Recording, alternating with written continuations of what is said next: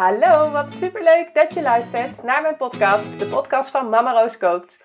In deze podcast neem ik je mee in de wereld van babyvoeding en leer jij hoe jij je peuter weer gezond laat eten. Zo weet jij hoe jij je kindje de beste start kan geven en kunnen jullie als gezin genieten van gezellige etentjes samen.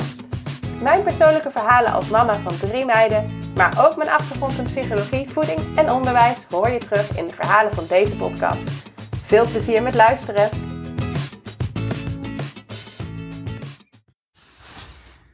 Hallo, wat leuk dat je weer luistert naar de podcast van Mama Roos Kookt. Ehm, ik zit hier uh, heerlijk in de mooie natuur. Ik heb net even een wandeling gemaakt en uh, ik was helemaal geïnspireerd om een podcast op te gaan nemen. Um, dus ik dacht, ik ga gewoon lekker op een plekje zitten. Ik zit nou op een boomstam en uh, kijk naar de wegsmeltende sneeuw. Het heeft de afgelopen dagen gesneeuwd en het is nou midden in de winter dus. Maar het is echt een prachtige dag, zonnig. Je hoort wellicht nog wat vogeltjes op de achtergrond. Um, waar ik het vandaag um, over wil hebben, is over um, dat voedingsadvies bij kinderen, bij kleine kinderen, soms echt maatwerk is. En wat bedoel ik daarmee? Ik heb bijvoorbeeld een uh, cursus voor peuters en het stimuleren van gezond eetgedrag, waarin je bijvoorbeeld onder andere leert hoe je jouw kindje groente leert eten.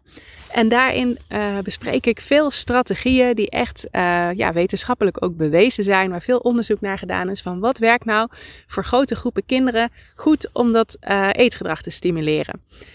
Um, nou, die, die technieken die zijn in mijn ogen echt fantastisch. Ik heb ze ook heel veel bij mijn eigen kinderen ingezet. En ook regelmatig ingezet. Hè? Dus niet uh, één keertje van, oh, ik ga vandaag met dit aan de slag. Maar gewoon structureel um, ja, die technieken blijven gebruiken en je daar bewust van zijn. Um, en ook voor mijn klanten heb ik dat heel veel uh, gebruikt natuurlijk. Ik geef, uh, ik geef die cursussen, maar ik geef ook gewoon heel veel die adviezen. En ik hoor vaak ook terug wat het voor mensen en voor de kindjes ook betekent. En dat vind ik natuurlijk fantastisch om terug te horen.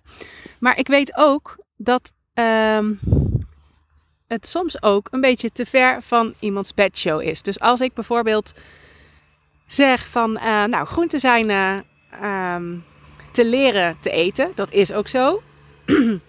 maar voor het ene kindje zal dat wat langer duren dan voor de ander, want dat ligt er ook aan. Waar sta je in het begin? Um, een kindje wat uh, eigenlijk gewoon al goed heeft leren eten, in eerste instantie op een gegeven moment eten gaat weigeren, die kan zeker weer heel goed die groentes leren eten. Maar sommige kinderen hebben echt een trauma opgebouwd op het gebied van eten. En dat kan ja, verschillende oorzaken hebben.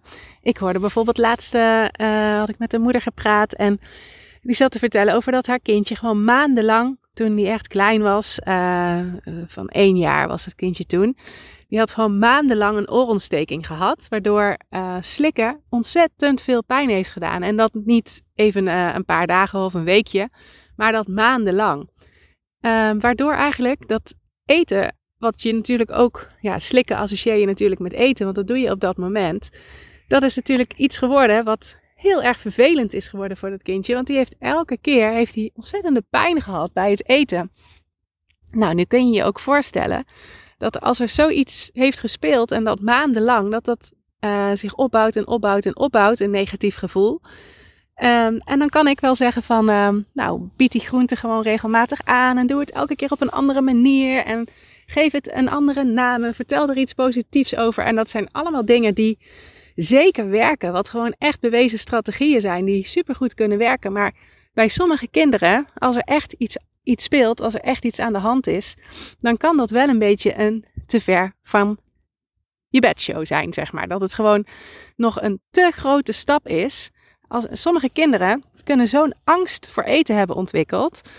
Um, of zo'n negatief gevoel erbij hebben ontwikkeld. Dat eigenlijk gewoon als uh, er bijvoorbeeld een broccoli op het bord ligt. Dat dat gewoon al tot een soort van ja, paniek eigenlijk kan leiden. Um, dus dan zijn er eigenlijk wat eerdere stappen nog nodig. Dan, dan moet je het wat kleiner nog maken. Dan is die broccoli op het bord leggen of op een andere manier aanbieden, is soms gewoon al iets te ver. Um, Dus wat zou je dan kunnen doen? Dan zou je bijvoorbeeld de stap kunnen maken van, uh, nou, wat kan wel? Mag het dan, uh, soms mag het niet eens op tafel liggen van een kindje, of mag het niet uh, op het bord van iemand anders liggen, of mag het niet in de kamer zijn, soms mag het niet eens in de koelkast zijn. Dus daar zou je dan met je kindje samen een soort van stapjes in kunnen bedenken. Of jij bedenkt de stapjes en je kindje mag ze vervolgens gaan maken en die mag een sticker plakken als het is gelukt. Dus als het product in de kamer mocht zijn, nou dan mag er een sticker geplakt worden. Misschien mag de volgende dag mag het product al in de koelkast zijn. Nou, dan mag er weer een sticker geplakt worden. De volgende dag mag het misschien al wel op tafel liggen. Dan mag er weer een sticker geplakt worden. Nou, en zo werk je toe naar dat het op het bordje mag liggen. Nou, misschien is het dan eerst op het bordje liggen, maar het hoeft niet gegeten te worden. De volgende stap kan dan zijn: het moet op het bordje liggen. Um, en het moet aangeraakt worden, want ook aanraken kan voor sommige kindjes al heel spannend zijn. Daarom is het ook bijvoorbeeld zo waardevol om samen met je kindje de keuken in te gaan, om samen te koken.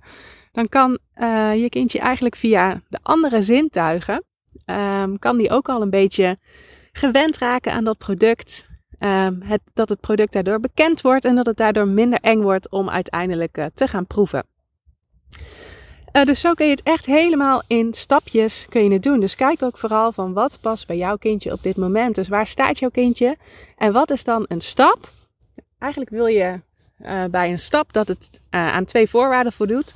Ten eerste moet het wel uit de comfortzone zijn. Dus het moet een beetje uitdagend zijn. Het moet echt een, een oefening zijn, een volgende stap. maar het moet ook niet zo eng zijn dat je kindje het niet gaat doen of dat er al meteen strijd ontstaat wanneer jij dit voorstelt. Dus je wilt eigenlijk dat een, een, een stap die jij gaat bedenken, die past bij jouw kindje, dat die aan deze twee voorwaarden voldoet. Buiten de comfortzone en um, niet te eng. Um, en zo ga je elke keer ga je een stapje verder. En als die stap goed gaat, kun je weer een stapje verder. En als die stap, stap goed gaat, kun je weer een stapje verder.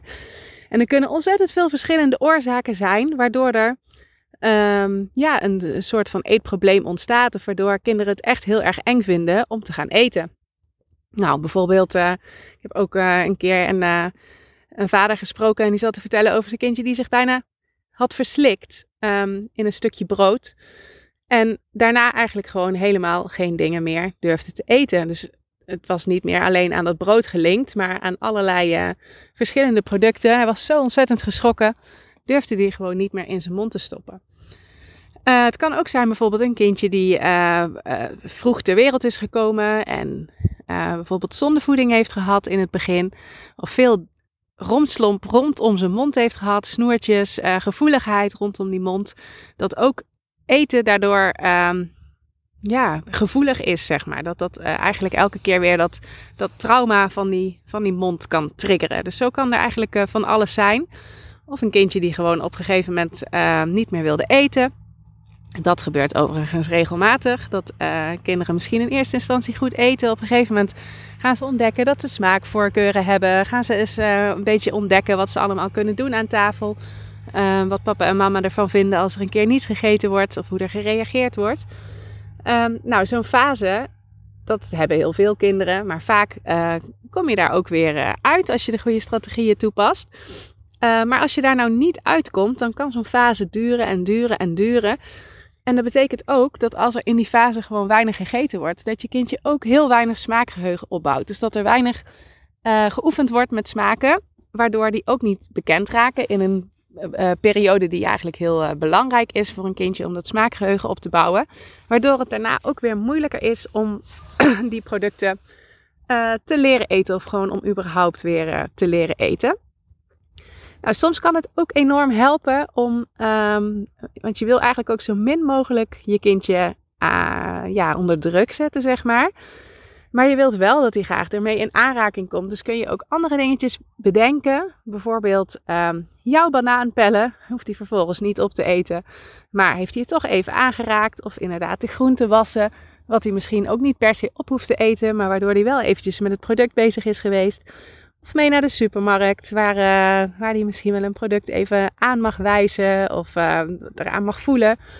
Um, want ook die andere zintuigen die helpen allemaal mee om het product bekender te maken en daarmee ook minder eng te maken. En je moet het echt zo zien, een kindje wil jou echt niet plagen of um, uh, uitdagen. Maar voor sommige kinderen is het gewoon echt heel erg eng om te proeven. En wat ik um, ja, je dus eigenlijk heel erg mee zou willen geven in deze podcast, is dat je echt op zoek gaat naar wat past bij jouw kleintje op dit moment.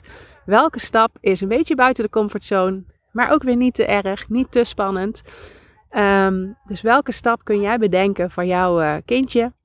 Uh, om, om toch weer richting dat gezond met de pot mee eten. Of in ieder geval gewoon gezond, uh, gezond eetpatroon opbouwen. En gezellig aan tafel mee kunnen eten.